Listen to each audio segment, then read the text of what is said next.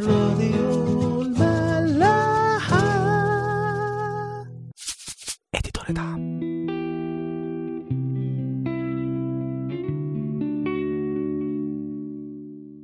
مساء الخير واهلا بيكم في حلقة جديدة من عيش وملح.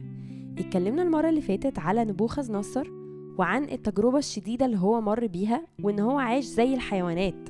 مكتوب في الكتاب إن هو أكل زي التيران وضوافره طولت زي الطيور. وده بسبب إن هو كان عنده كبرياء شديد ومرضاش يسمع خالص لصوت الله في كل المرات اللي هو اتكلم معاه فيها.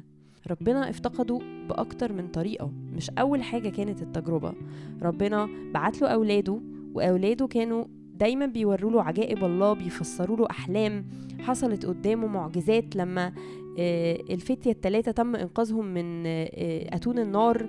كل ده ونبوخذ نصر يؤمن شوية ويقع شوية يؤمن شوية ويقع شوية وقلنا إزاي هو بيفكرنا بنفسنا في حياتنا مع ربنا إن هي ما فيهاش ثبات شوية نقوم وشوية نقع بس اللي بيطمنا إن ربنا عمره ابدا ما بيسيبنا وإن هو لا أحد يخطف من يد أبي إن نبوخذ نصر في الآخر وبعد كل ده كان مآمن بربنا وانتهت حياته وهو مؤمن وبيسبح وبيمجد ربنا جدا.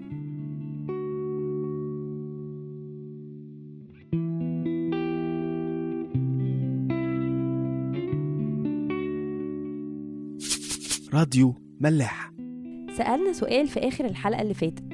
تجربة نبوخذ نصر كانت شديدة قوي وأكيد إحنا في حياتنا بنتجرب كتير الحياة مش سهلة. بس يا ترى إحنا بنتعلم إيه من التجربة دي؟ أو بنتعامل معاها إزاي؟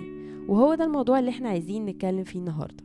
عايزة أبتدي معاكم الأول بقصتين كل واحدة فيهم عن تجربة بشكل مختلف وبعد كده نرجع نتأمل في حياتنا إحنا وبنعمل إيه.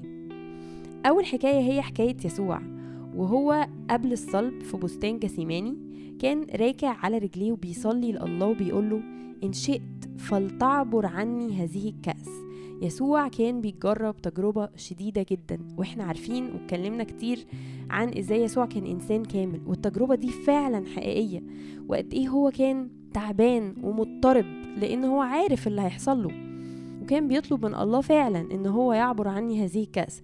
بس تجربة يسوع ما اترفعتش ودخل واتصلب ومات عشان في الآخر تتم خطة ربنا لحياته إن هو يتمجد ويقوم ويبقى فيه خلاص للبشرية كلها. استجابة صلاة يسوع ما كانتش عن طريق إن هو ما يتصلبش أو ما يتعذبش لأ. استجابة صلاة يسوع كانت عن طريق إن هو آه صحيح هيتألم وهيتصلب بس في الآخر هيكون في موته وصلبه إنقاذ للبشرية كلها وحياة لينا كلنا. مشكلتنا في التجربة إن إحنا بنبقى عايزين استجابة الله بشكل معين أو بطريقة معينة إحنا متخيلينها في دماغنا. عايزين ربنا يرفع عننا التجربة أو يشيلها أو عايزينها تقف حالا. مع إن استجابة الله ممكن تبقى ليها شكل أو صورة مختلفة زي ما حصل مع صلاة يسوع. ربنا كان معاه في الصلب وقف معاه خطوة بخطوة ما سابوش لحظة. بدليل إن يسوع قدر يتحمل كل ده بسلام وبصمت. وبهدوء شديد جدا. وفي النهاية ربنا مجده مجده مجد كبير جدا لأجل احتماله ده ورفعه وقام وكان في خلاص للبشرية. فده درس كبير لينا إن إحنا ممكن تكون آه تجربتنا شديدة آه تجربتنا صعبة بس مش لازم ندور على الاستجابة بطريقة معينة. مش لازم صلاتنا تكون يا رب ارفع ممكن تكون يعني الوقت ده ربنا بعته لنا علشان نتعلم منه حاجة أو علشان يستخدمه بطريقة معينة لخلاصنا أو لخلاص ناس حوالينا. تجربة نبوخذ نصر كان سببها الكبرياء. هو كان قاعد بيتفقد مملكته بيشوف قد إيه هو رائع وجميل وعظيم. وبعدها على طول ربنا كلمه وقال له أنت هتعيش كالحيوانات إحنا لازم نكسر الكبرياء اللي عندك دي. مشكلتنا إن إحنا أوقات في التجارب الكبرياء بيفضل مكمل معانا بس بشكل مستتر. إن إحنا بدل ما إحنا عندنا الكبرياء بتاع أنا عظيم أنا جامد لأ بيبقى عندنا الكبرياء بتاع أنا غلبان أنا ضعيف بس هو في الآخر كبرياء لأن أنا بفكر في نفسي بس. وهو ده أساس الكبرياء إن أنا بفكر في نفسي وأنا عايز إيه وأنا محتاج إيه سواء وهي صعبانة عليا أو سواء وأنا فرحان بيها. دول وجهين لعمرة واحدة. وكنا اتكلمنا في الموضوع ده كتير قوي في أيوب لأن أيوب وقع في نوع الكبرياء ده إن هو كان عنده سيلف بيتي جامد قوي هو في التجربة. وده بيحصل لينا كلنا إن إحنا وإحنا في التجربة بدل ما زي يسوع كده بنقول له يا رب إرادتك أنت يا رب مشيئتك أنت خطتك أنت وبنسلم الأمور لربنا لأ ما بنفكرش في ربنا خالص بنفكر في نفسنا بس. نقول يا رب ليه كده يا رب؟ ليه بيحصل معايا كده يا رب؟ وبندور على الاستجابة اللي إحنا عايزينها اللي هي غالبا بتكون إن التجربة تخلص أو تنتهي. مش يا رب ادينا قوة احتمال في التجربة دي. يا رب لتكن مشيئتك. إحنا عايزين اللي انت عايزه في الآخر. يا رب كن معانا. ده كل طلبنا. لا أوقات كتير بنغرق في إن إحنا زعلانين على نفسنا وعايزين تجربة تنتهي. مش في يا ترى يا رب انت عايز إيه من التجربة دي؟ راديو ملاحة. حكاية تانية لذيذة قوي هي حكاية حبقوق حبقوق ده من الأنبياء الصغار وكان في مملكة يهوذا وقصته لذيذة قوي. هو كان شايف شر كتير قوي حواليه في مملكة يهوذا وكان زعلان قوي على شعب الله وكان بيكلم ربنا إزاي يا رب أنت سايب شعبك كده؟ دي كانت التجربة اللي هو بيمر بيها إن هو شايف الشعب في حالة صعبة جدا وإن هو واقع في خطايا كبير قوي وكان حزين على الشعب ورايح يعاتب ربنا يقول له إزاي يا رب أنت سايب شعبك في الحالة دي في الضياع ده ورايحين في التهلكة؟ فربنا عمل حاجة ما حصلتش خالص إن هو وقف يتكلم مع حبقوق ويقول له بص يا حبقوق أنا هقول لك إزاي أنا هفتقد شعبي. فابتدى يقول له إن هو هيعلي عليهم مملكة بابل وإن مملكة بابل هتسبيهم وإن هم هيدخلوا في وقت صعب جامد قوي بس الوقت ده لأجل افتقاد الشعب. فحبقوق مش مثلا يحس آه شكرا يا رب إن أنت بتفتقد شعبك. ده حاسس إيه ده؟ إيه التجربة الصعبة دي يا رب؟ يعني أنت هتسيب أشرار إن هم يعلوا فوق أولادك ويأسروهم ويحطوهم في السبي كمان؟ إزاي كده؟ فربنا بيقول له ابتدى بقى يشرح له لا يا حبقوق أنا مش هعمل كده. الشر ليه نهاية؟ والمملكة دي مش هتعلو ولا أي حاجة وهتسقط في الآخر. أنا بس سمحت بالتجربة دي لأولادي علشان خاطر أفتقدهم وعلشان خاطر يرجعوا لي. وبعد الحديث ده في الآخر الموضوع بينتهي إن حبقوق بيمجد ربنا وبيشكره قوي إن هو آه، بيفكر وبيدبر لأجل خلاص أولاده. وفي آية حلوة قوي بتتكلم عن تصرفنا في التجربة. متقالة في حبقوق 2 آية 4 متقال هو ذا منتفخة غير مستقيمة نفسه فيه. وأما البار فبإيمانه يحيا. طيب هو بيشرح الفرق بين الاتنين. بين شعب بابل إن شعب بابل ده كده كده هيهلك لأن هو متكبر ومنتفخ نفسه فيه. وأما البار فبإيمانه يحيا. ربنا هو اللي بيقول الآية دي وهو عايز هنا يوضح لنا إن الإيمان هو المفتاح في أي تجربة. إحنا بإيماننا نحيا باتكالنا وإيماننا على الله دي الحاجة الوحيدة اللي ممكن تطلعنا من أي تجربة. وعشان كده نبوخذ نصر قايل كده في آية 34 وعند انتهاء الأيام أنا نبوخذ نصر رفعت عيني إلى السماء فرجع إلي عقلي.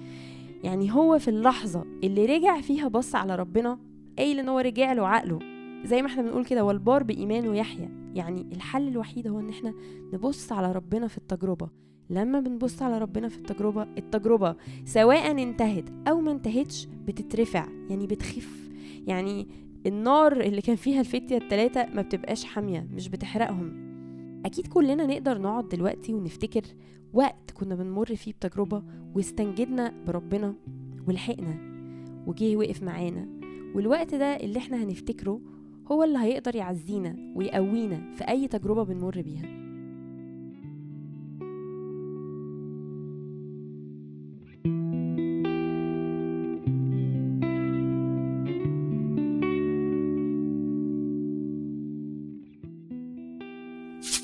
راديو ملاح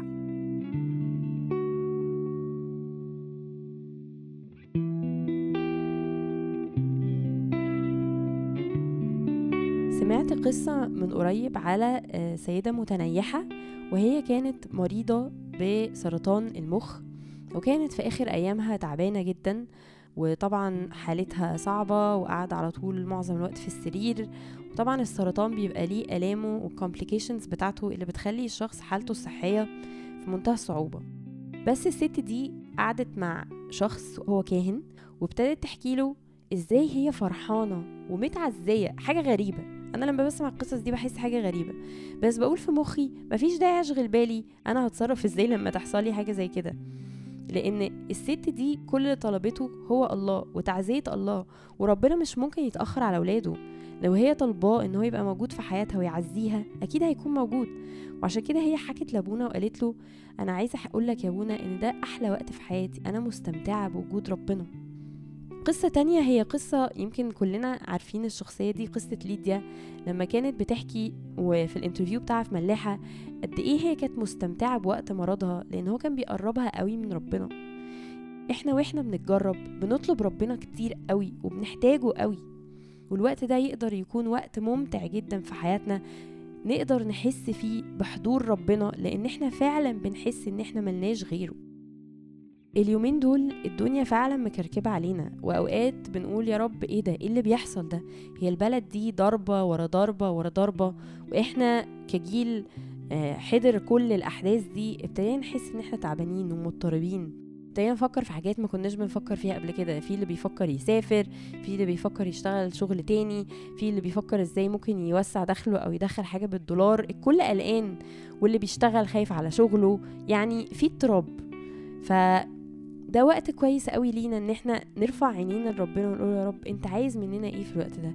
إزاي نقدر نقرب منك أكتر؟ إزاي نقدر نمجد اسمك يا رب؟ إحنا عايزين نبقى من الأبرار عايزين نحيا بالإيمان يا رب لأنه الحياة معاك أكيد هي اللي فيها خلاص لينا. علشان في النهاية نقدر إن إحنا نسبح زي نبوخذ نصر كده ونقول أسبح وأعظم وأحمد ملك السماء الذي كل أعماله حق وطرقه عدل ومن يسلك بالكبرياء فهو قادر على أن يذله. يعني شوف هو في الآخر بيقول وبيعترف إن هو كان بيسلك بالكبرياء وإن ربنا في الآخر كسر كبرياءه بس هو فرحان لأن في الكبرياء حزن وزعل وإشفاق على الذات ومحورة حول الذات بتأدي لحزن. الشخص وهو بره ذاته وهو بيفكر في ربنا وهو بيفكر في الآخرين بيكون في قمة السعادة. فتعالوا الوقت الجاي نحاول إن إحنا نصلي ربنا إن هو يكون موجود في حياتنا وإن هو يقدر يورينا هو عايز مننا إيه الوقت الجاي. إزاي نقدر نبقى بنخدم وبنمجد اسمه في وقت صعب بيمر بالعالم كله وبكل الناس اللي حوالينا. أشوفكم الحلقة الجاية ونكمل مع بعض. دانيال